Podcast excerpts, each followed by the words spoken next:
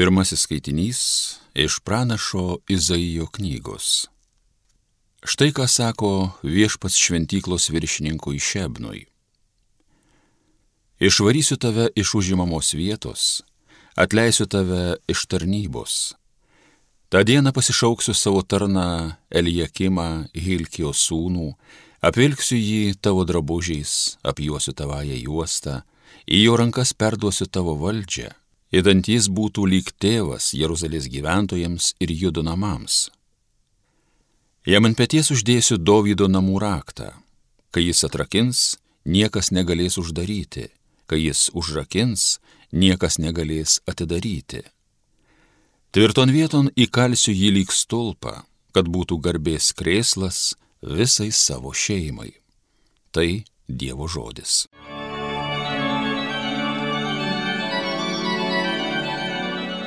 Amžina viešpatie tavo ištikimoji meilė, netmesk to, ką sukūrėjai.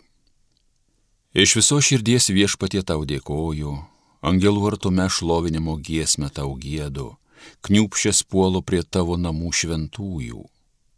Amžina viešpatie tavo ištikimoji meilė, netmesk to, ką sukūrėjai. Dėkoju tavo šventajam vardui už tavo ištikimybę ir gerumą, nes išaukštinai virš visų savo pažadą ir vardą. Manęs išklausai, kai šaukiausi ir įkvėpiai man drąsą. Amžina viešpatie tavo ištikimoji meilė, netmesk to, ką sukūrei. Nors aukštybėse viešpats gyvena, jis rūpinasi nulankiausiais ir išpuikelius atpažįsta iš tolo. Amžina viešpatie tavo ištikimoji meilė, netmesk to, ką sukūrei. Amžina viešpatie tavo ištikimoji meilė, net mesk to, ką sukūrei.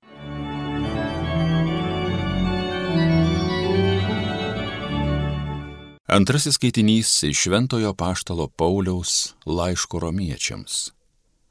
O Dievo turtų išminties ir pažinimo gelme, kokie neištirimi jo sprendimai ir nesusekami jo keliai, ir kasgi pažino viešpaties mintį ir kas buvo jo patarėjas.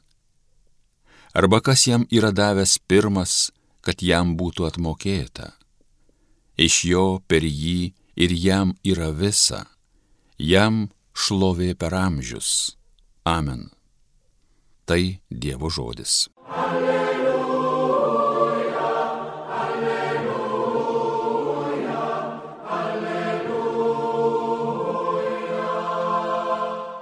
Tu esi Petras, uola. Ant tos uolos aš pastatysiu savo bažnyčią ir pragaro vartai jos nenugalės. Alleluja, alleluja, alleluja. Pasiklausykite šventosios Evangelijos pagal matą. Atėjęs į Pilypo Cezarėjus apylinkės, Jėzus paklausė mokinius, kuo žmonės laiko žmogaus sūnų. Jie atsakė, vieni jo nukrikštytojų, kiti Elijų, kiti Jeremijų ar dar kuriuo iš pranašų. Jis vėl paklausė, o ko jūs mane laikote? Tada Petras prabilo, tu esi Mesijas, gyvojo Dievo sūnus. Jėzus jam tarė, palaimintas tu Simonai, Jono sūnau, nes ne kūnas ir kraujas tau tai apreiškė, bet mano tėvas, kuris yra danguje. Ir aš tau sakau, tu esi Petras uola, ant tos uolos aš pastatysiu savo bažnyčią ir pragaro vartai jos nenugalės. Tau duosiu dangaus karalystės raktus, ką tu suriši žemėje, bus surišta ir danguje. Ir ką tu atriši žemėje, bus atrišta ir danguje. Tuomet jis griežtai įsakė savo mokiniams niekam neskelbti, kad jis yra Mesijas. Girdėjote viešpatie žodį.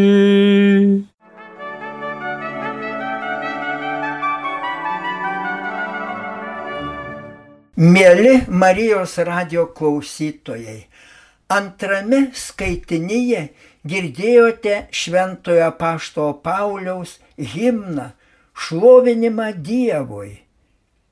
Tai yra nesulaužomo jo tikėjimo liūdėjimas, o Dievo turtų, išminties ir pažinimo gelmė.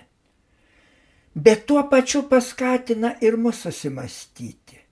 O kaip mes išlaikome tokį pat gyvą tikėjimą? Gal tokios mintis kyla mums nuoširdžiai prieimus Dievą šventoje komunijoje arba džiaugsmo ir sėkmės dienomis? Bet kas lieka iš mūsų tikėjimo nepasisekimuose, nusivylimuose, kai skausmas ir rūpeščiai, kai baisi lyga ar mylimo žmogaus mirtis mus ištinka, tada atrodo, dažnai atrodo, kad iš mūsų tikėjimo lieka tik griuvėsiai. O juk tada tvirtai su įsitikinimu turėtume sakyti, o Dieve, tavo išminties ir pažinimo gelme, kokie neištyriami tavo sprendimai ir nesusekami tavo keliai. Dažnai matau, labai dažnai, kad tokiais momentais daugybei žmonių atrodo, kad Dievas tyli. O juk turime visada išlaikyti tvirtą tikėjimą. Visada mano akise stovės žydas ir niekada nenustosiu kartoti jo į mirtį einančio žydo dienoraščio minčių rastų koncentracijos stovykloje. Didis Dieve, rašau paskutinį savo dienoraščio lapą. Viskas Dieve tavo valėje, bet žinok Dieve, tu niekaip neišplėši mano tikėjimo. Kad ir ką bedarytum man, kad ir ką leistum būdeliam su manimi daryti, netimsi mano tikėjimo. Dabar visą savo esybę, visas mintis atiduodu tau Dieve, nes netrukus būsiu sudegintas dujų kameroje ir išrūksiu su dūmais bet mirsiu tikėdamas tave. Didis Dieve, tokį tikėjimą man įkvėpė per mano protėvius. Man dar vaikystėje mūsų rabė vis pasakojo istoriją. Žydas su šeima bėga nuo babiloniečių persekiojimo valtimi. Kyla baisi audra, trenkė per kūnas, užmušė jo vaikus. Jis šaukė, kad ir ką su manimi bedarytum Dieve, netimsi mano tikėjimu. Smogė didžiulė banga, nunešė žmoną. Dieve, netimsi mano tikėjimo kartuoju. Valti trenkė į salą ir jau bėga manęs praryti liūtas. O liūto traiškomas kartuosiu ir liūto dantimis nesutraiškisi mano tikėjimo Dieve, neištiriami ir nesusekami tavo keliai, patvirtina šventasis Paulius. O man dirbant telšiuose, žmonės dar nebuvo atsigavę nuo sukrečiančio 73 žmonių nužudimo Rainiuose, nors jau buvo praėję 37 metai. Visi žinojo ir vis kartojo, kad tam žudimui mėsinėjimui vadovavo du žydai - Dušanskis ir Raslanas. O tuoj po tų žudinių atėjo vokiečiai. Kai pradėjo žydų žudyti, viskupas Borisevičius organizavo žydų gelbėjimą.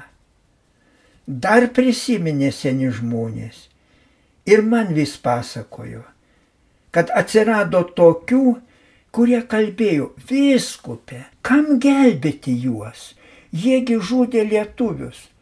Viskupas atsakė, atsiranda žmogėdrų ir lietuvių ir kitų, o Jėzus trokšta išgelbėti visus, net nusikaltelius. Jo mokymas, jo tikėjimas liepia to neužmiršti. ir nuėjo viskupas į mirtį, buvo nuteistas komunistų. Ypatinga žydų gelbimo istorija įvyko Kaune Vytauto didžiojo muziejuje. Tuo muziejaus darbuotojas Pranas Baleniūnas muziejuje ir savo namuose slėpė ir išgelbėjo 42 žydus. Bet po karo komunistai jį nuteisė. Ištrimė į lagerį. Jis mirė Vorkutoje, jo kapas nežinomas, bet Dievas tai viską žino. Mėly Marijos radio klausytojai, jums turbūt skaudu, kaip ir man skaudu girdėti šiandien tokius dažnus priekaištus. Lietuviai žydšaučių tauta. Aišku, tikrai atsirado lietuvių talkinusių žudikams.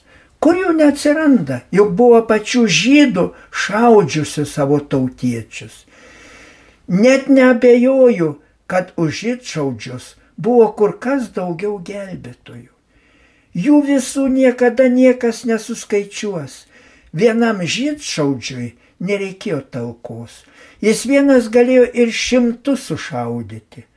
O be kitų pagalbos nebuvo įmanoma išgelbėti ne vieno žydo. Labai paprastai apie žydų žudimą ir gelbėjimą pasakojo mano tetulė Kastelė. Ragųjų kaime Banelis slėpė žydų šeimą. Ir visi ragųjų gyventojai padėjo, nors žinojo, kad jei kas išduotų vokiečiams, visiems, visam kaimui mirtis. Ir niekas neišdavė, ir niekas nesuskaičiuos, ir niekas nebandė suskaičiuoti, kiek mūsų buvo prisidėjusių, kad žydai gyventų. Tie kaimiečiai, kaip ir daugybė kitų, mirties pavojuje tikėjo, kad gerasis Dievas viską žino ir visais rūpinasi. O kokia mintis turi mus ypatingai drąsinti? Atsakymą į tą klausimą randu trumpoje istorijoje. Ji lydi mane visoje mano tikėjimo kelionėje ir stiprina mano drąsą, paguodą, viltį. Vieną naktį sapnuoju, kad su Dievu einu pajūriu, o rytą smėlyje matau dviejų pėdas bet tarpais matau tik vienas pėdas, kai man buvo sunkiausia. Todėl sakau, viešpatė, tu žadėjai visada mane lydėti. Tai kodėl nebuvai, kai man buvo sunkiausia? Kodėl? Vaikeli, ten, kur tu matai tik vienas pėdas, ten aš tave nešiau. Šitaip anglų rašytoja Ana Lander aprašo savo tikėjimą. Toks juk ir šventojo apaštalo Paulius tikėjimas. O ar toks mano tikėjimas? Ar tikiu, kad Dievas neša mane sunkiuose mano problemuose? Juk kaip tik yra tai, ką šiandien Paulius himne pasakoja. Jis gerai žinojo, ką kalba, nes jo gyvenimas buvo pilnas vargo, baimės, persekiojimų, nesupratimo, nepasisekimų, nusivylimų, atmetimo. Visą tai jis turėjo iškesti, nes jis visą save besąlygiškai atidavė Dievui. Šventasis Paulius gerai žinojo, ką jis turi daryti.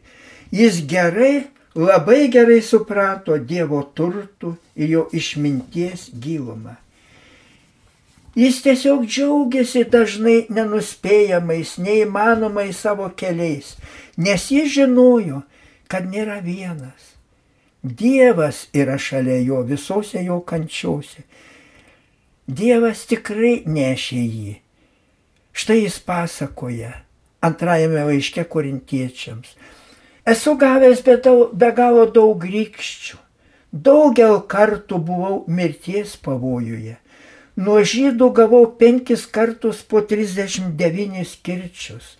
Tris kartus gavau lasdų, vieną kartą buvau apsvaidytas akmenimis, Tris kartus pergyvenau laivo sudužimą. Ištisą parą plūduriau atviroje jūroje. Dažnai būdavau kelionėse, upių pavojuose, pavojuose nuo plėšykų, pavojuose nuo savo tautiečių, pavojuose nuo pagonių, miestų pavojuose, dikumos pavojuose, jūros pavojuose, pavojuose nuo netikrų brolių. Man teko daug triūsti ir vargti, dažnai būdėti naktimis, badauti ir trokšti, dažnai pasninkauti dažnai kesti šaltį ir nuogumą. Žvelgdamas į šventąjį Paulių, galvoju apie jaunus žmonės, kurie kojos nebekelia į bažnyčią. Galvoju ir apie jaunus tėvus, kurie nekrikštė savo vaikų, kadangi nieko iš bažnyčios nebelaukia. Jie neišgirsta švento Pauliaus liūdėjimo, kad Dievo keliai nesusekami ir jo sprendimai neištyriami. Paulius juk dalyvavo užmušant Steponą akmenimis. Jis fanatiškai stengiasi Jėzaus Kristaus tikėjimą sunaikinti. Bet viešpats ėjo šalia jo ir padarė jį savo pasiuntinybės tikrų garsiakalbių. Kai šitas vyras tiek iškentęs gėda Dievui himną, neturime jokio pagrindo nei tėvai, nei seneliai, nei kunigai drebėti dėl dabartinio jaunimo. Jei Dievas tokį Paulių galėjo pasukti teisingų kelių, kodėl jis negali jūsų vaikų iš blogų kelių nuvesti į gerus tikslus?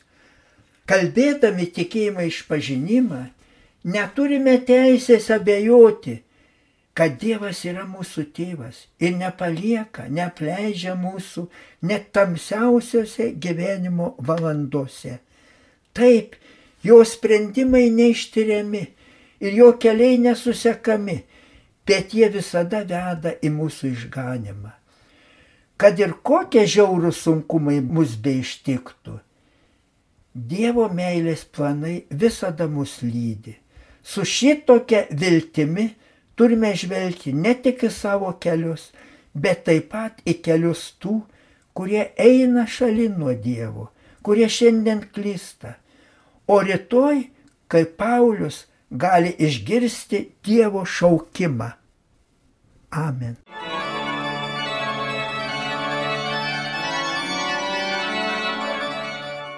Evangeliją gėdojo kunigas daktaras Vilius Sikorskas. Homilyje sakė Panevižio vyskupas emeritas Jonas Kauneckas.